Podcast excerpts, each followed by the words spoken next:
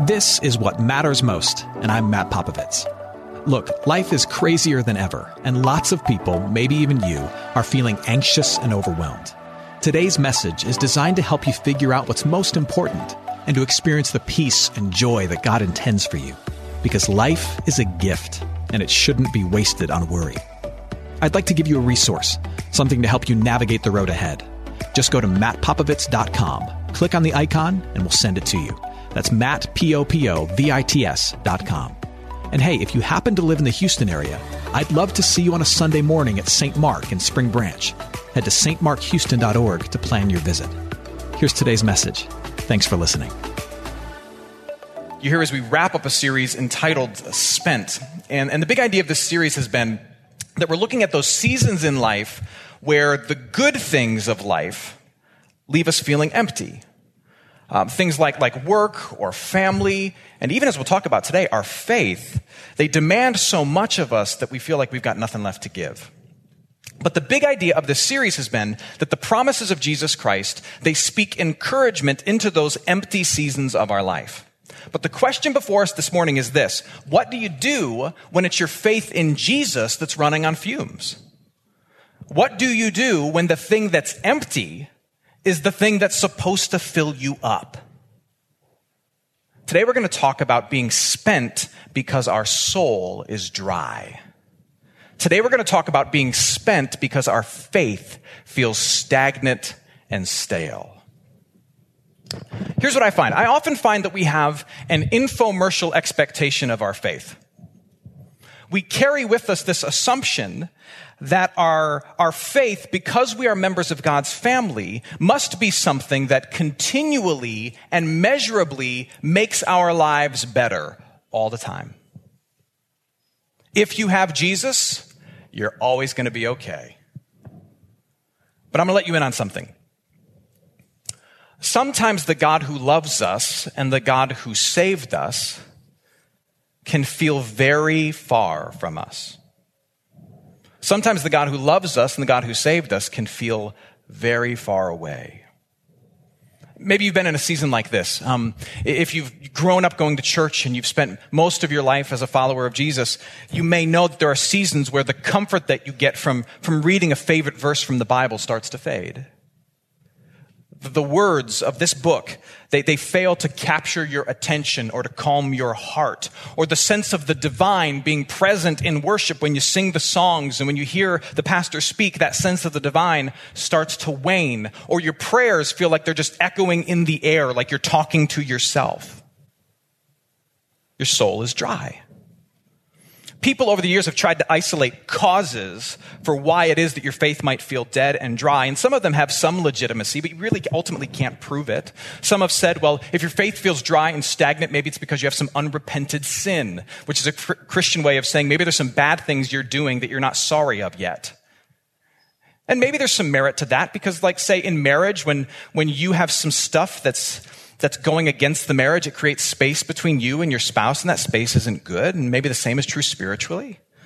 Others have said, well, if your faith is dry, it's because you're under some kind of spiritual attack. And, Christians do believe that there are unseen forces at work who want nothing more than to pull you from the Father who saved you through Jesus Christ. So maybe there's some merit to that.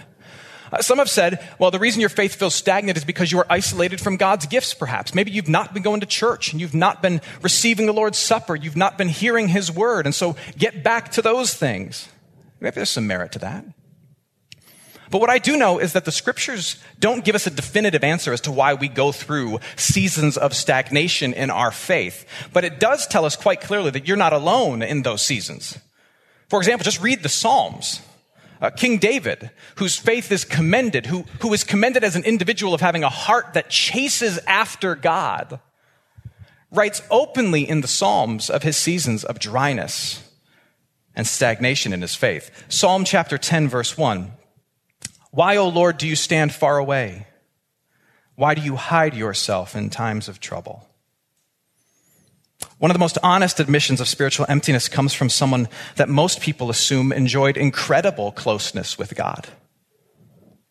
You have thrown me away as unwanted and unloved, she writes. I call, I cling, I want, and there is no one to answer, no one on whom I can cling. No, no one. I'm alone. Where is my faith? Even deep down, right in there, there is nothing but emptiness and darkness. My God. Those are the words of Mother Teresa. I think the most honest answer to the question of the cause for our spiritual stagnation isn't necessarily sin or spiritual attack. I think the cause is this having a pulse. It's just part of the deal. And maybe if, if Mother Teresa and King David had seasons of great stagnation and emptiness in their faith, perhaps our time is best spent not talking about how to try to avoid it because maybe it's inevitable that we'll encounter it, but instead how we can understand it and find peace in the middle of it. So let's do that. Part of what makes a spiritual drought tough, I think, is that it's a time of emotional and intellectual confusion. I mean, on one hand, if you're a Christian, what you know from hearing the scriptures is that we're told these beautiful things about the constant, caring presence of God. Let me read you some of these promises. Deuteronomy 31. Be strong and courageous. Do not be afraid or terrified, for the Lord your God goes with you. He will never leave you or forsake you. That's a beautiful promise. Matthew 28 verse 20. These are the words of Jesus. And remember, I am with you always. Always. Interesting thing in the Greek, that word there means Always. That's what it means. To the end of the age. Isaiah 49, this is one of my personal favorites. We read this a couple weeks ago in worship. Can a woman forget her nursing child? That she should have no compassion on the son of her womb? Even these may forget, yet I will not forget you. Behold, I have engraved you on the palms of my hands. So on, on one hand, we have these beautiful promises of God's constant presence and care. But on the other hand, in these moments of struggle, these promises of God contradict what we sense from God and what we feel from God. So let me offer you this idea. Perhaps when we are in a season of spiritual drought, perhaps we cannot trust our senses. Perhaps we cannot trust our perception and our emotions. I mean, human perception and human emotions are really powerful things, but sometimes our senses lie to us. Sometimes our emotions even lie to us. When you're married, there are moments when you don't feel a whole lot of love for your spouse. Like when your husband compares you to your mother just to make a point. You feel zero love in that moment. But that doesn't mean you're not in love. You see, your emotions can betray reality. In fact, real love is rich enough to include anger and frustration and even distance. What if the same is true with God? What if there are times when his face can be hidden, but his presence still near? What if whenever he is hidden, he always reappears? What if, even though there are seasons where we don't feel His love, we still undeniably and objectively have His love apart from how we feel? We like to think that life with God through the grace of Jesus Christ will be one of great spiritual progress, that we will become these incredible new people able to stay close to God and understand any spiritual struggle that we go through. But it's not really the case. Growth is slow and seemingly insignificant and largely imperceptible. We will still, after years of dwelling in the grace of Jesus Christ, we will still want to crush and kill our fellow city dwellers. And our senses will still get turned around on us so much so that we will wonder if God is gone or if he's just playing peekaboo. Even though we know he always returns. Now, the reason I point this out is because if you fail to grasp that, that our growth is going to be incremental and that we will always get turned around in our understanding of God and, and we will, we will have seasons where we wonder if He's disappeared on us. If you fail to grasp that, you will get very frustrated in your faith if you haven't gotten frustrated already. I mean, imagine if, if you're married, imagine if you said to your spouse, honey, my experience in this marriage must always match that of our wedding day. And if my experience and my emotions in this marriage don't match that of our wedding day, I will doubt your love and be desperately sad. What if you said that? If you said that, your spouse would instantly think, oh, great, I've married a crazy person. And you, if you set your standard that high, you would constantly think this marriage is never as good as it could be. One of the big problems with American Christianity is that for some reason we have encouraged ourselves to believe that every day with Jesus should feel like our wedding day. And that if we don't have a certain emotional experience or if we don't sense a certain level of closeness, that something must be wrong. This is why Christians, myself included, we will always often catch ourselves saying things like this. Man, worship was good today. They played so many of my favorite songs. God was moving. Oh man, the message dealt precisely with my issue today. I was convicted. God was speaking. Hey man, I got a raise. I am definitely hashtag blessed today. God is good. Now, none of those things are untrue. But you see what happens and what, and what we're revealing with our words. We are using how we feel as the ultimate evidence of God's activity. If I feel it, He's there. If I perceive it deeply, it's real. But that brings a problem into our lives. You see, there's a contradiction. You can't say on one hand, I want my spiritual ship to never float away from God. I never want my spiritual ship to float away from God, yet drop anchor inside the ship itself. If you want to stay close to the shore of God's goodness and grace and His presence, you have to tie the boat to something other than yourself. You have to tie it to Him and not yourself. Does that make sense? I hope you're enjoying today's message. For more of what matters most, you can head to mattpopovits.com. There you'll find other messages. You can support this ministry as well as access your free gift. Oh, and if you're looking for a local church and you live in Houston, come and see what's happening at St. Mark Houston. To plan your visit, head to stmarkhouston.org. Thanks for listening, and back to today's message. You see, this is where the genius and, and the uniqueness of Christian faith shines.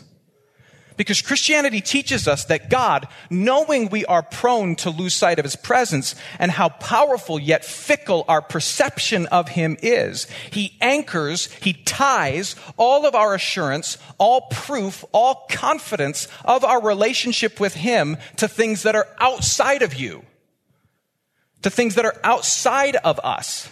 And that makes Christianity unique.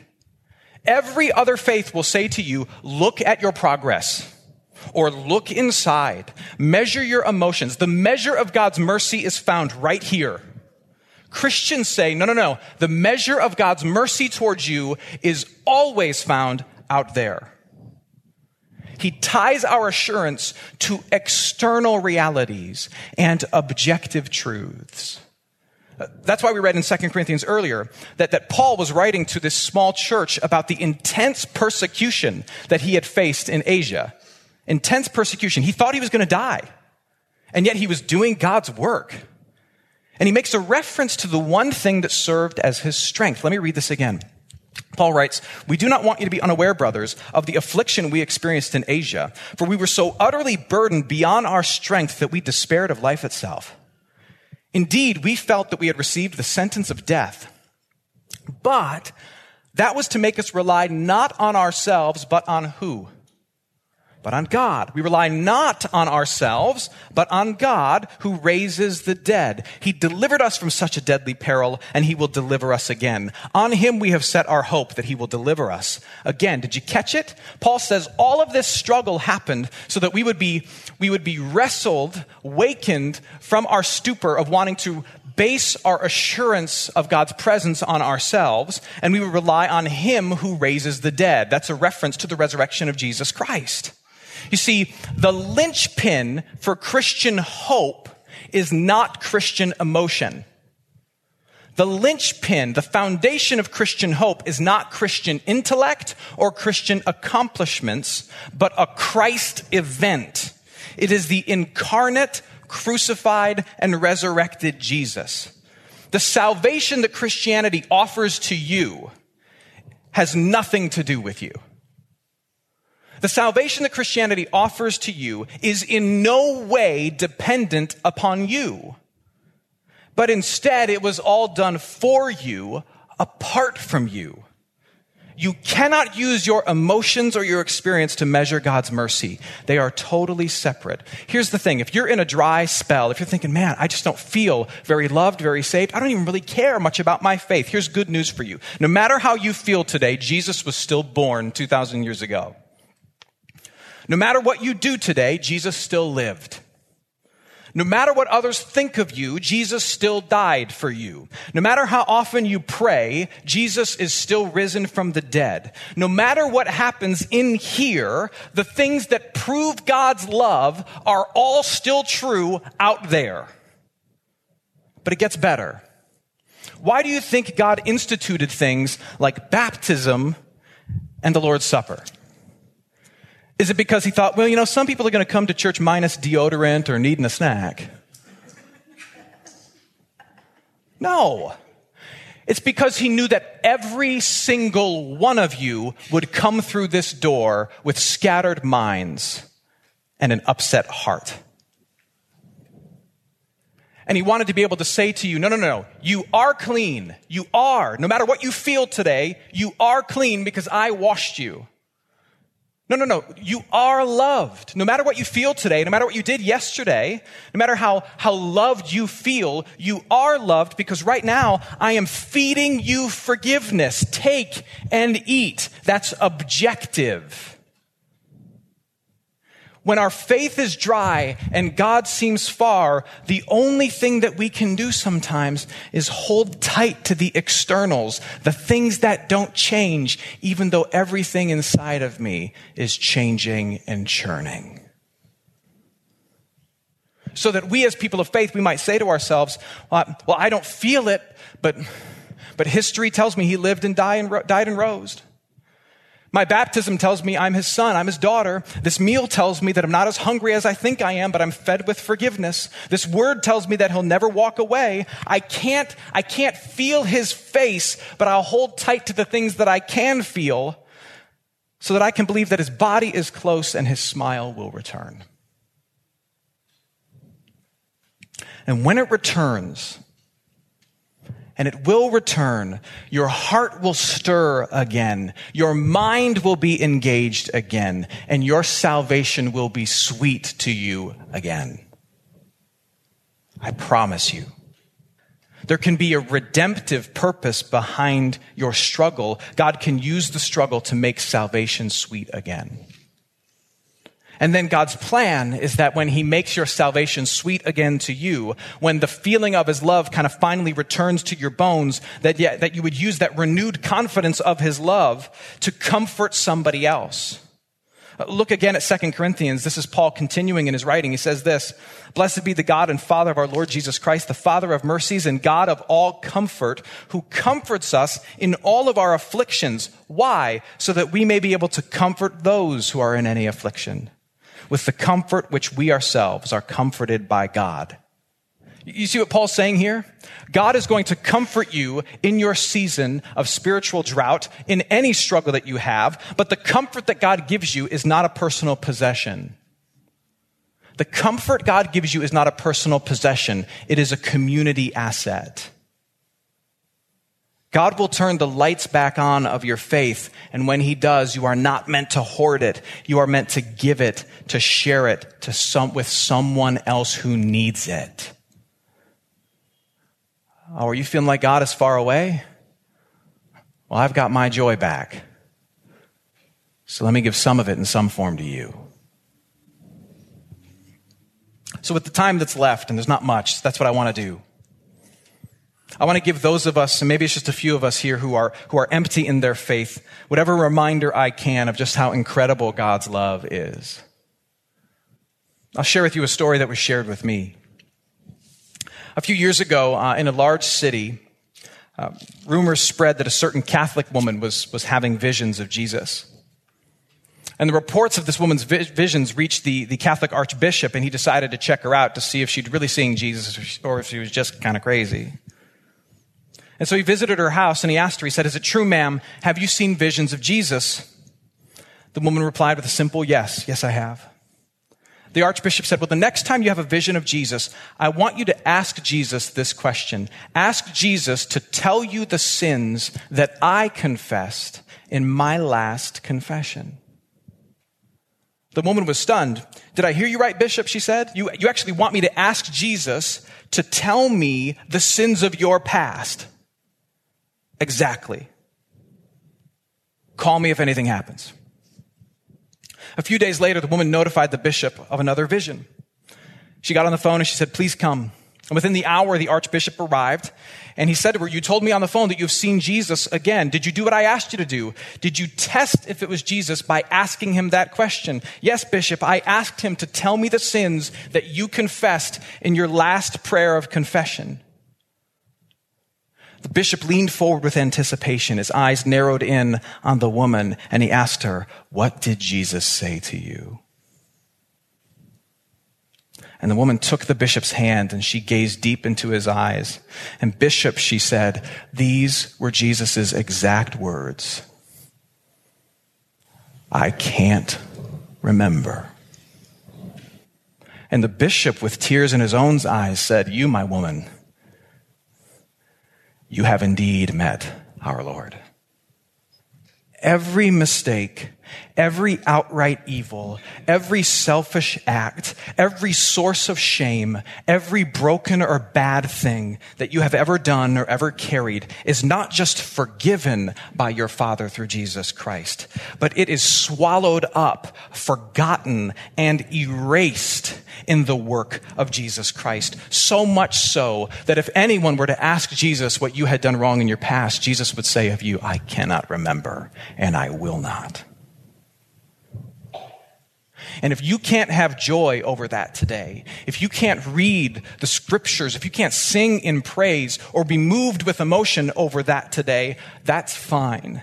I'll be joyful in that for you today. We will carry you today, and I trust that you will carry me through my season of drought. The other day, I was greeting some kids at church, a three year old little girl. She's incredibly cute. And I walked up to her and I said, You look beautiful. Do you know what her response was to me? I know. And, and, and the thing is, you know, she wasn't rude or conceited. She was matter of fact. Now, where does a three year old little girl get that kind of confidence? It's not like if I asked her and said, Well, why do you know that you're beautiful? She would say, Well, science says that it's because I have pleasant lines in my face and a lot of symmetry. No. There's, there's only one way a three year old girl will have a calm confidence about her beauty. It's because she's got a daddy that looks at her every day, whether she's dolled up for church or covered in snot and throwing a fit, telling her the same thing over and over and over and over again. You are beautiful. Where is your assurance anchored? Is it anchored in the intensity of your emotions? Is it anchored here? Or is it tied to something external and objective because we have what that little girl has. We have an enduring word from the Father that says over and over the same thing. When you're pretty, when you're ugly, when you're crushing life, when you're getting crushed by life, when you're feeling close to Him or living far from Him, we have a word, we have a cross, we have a food, we have a dad who says, you are loved. You are forgiven. It doesn't matter how you feel about it. I have declared it. And if all you can muster in response to that is, I guess so, instead of, I know so, that's okay. Because regardless of what you feel this morning, it is so. Be encouraged. Amen. Hey, it's Matt. I hope you enjoyed what matters most. Here's what I need you to know life is a gift, and it shouldn't be wasted on worry. I want to help you figure out what's most important and to experience the peace and joy that God intends for you. So, for more content, you can head to mattpopovits.com. That's Matt, P O P O V I T S.com. There, you can also support this ministry as well as access your free resource, a little something to help you navigate the road ahead. I'd also love to see you on a Sunday morning. If you're in the Houston area, head to stmarkhouston.org to plan your visit. In the meantime, hit me up on Instagram at mpopovits or at facebook.com slash Matt Popovits Ministries. Thanks for listening. Now go and hold tight to what matters most.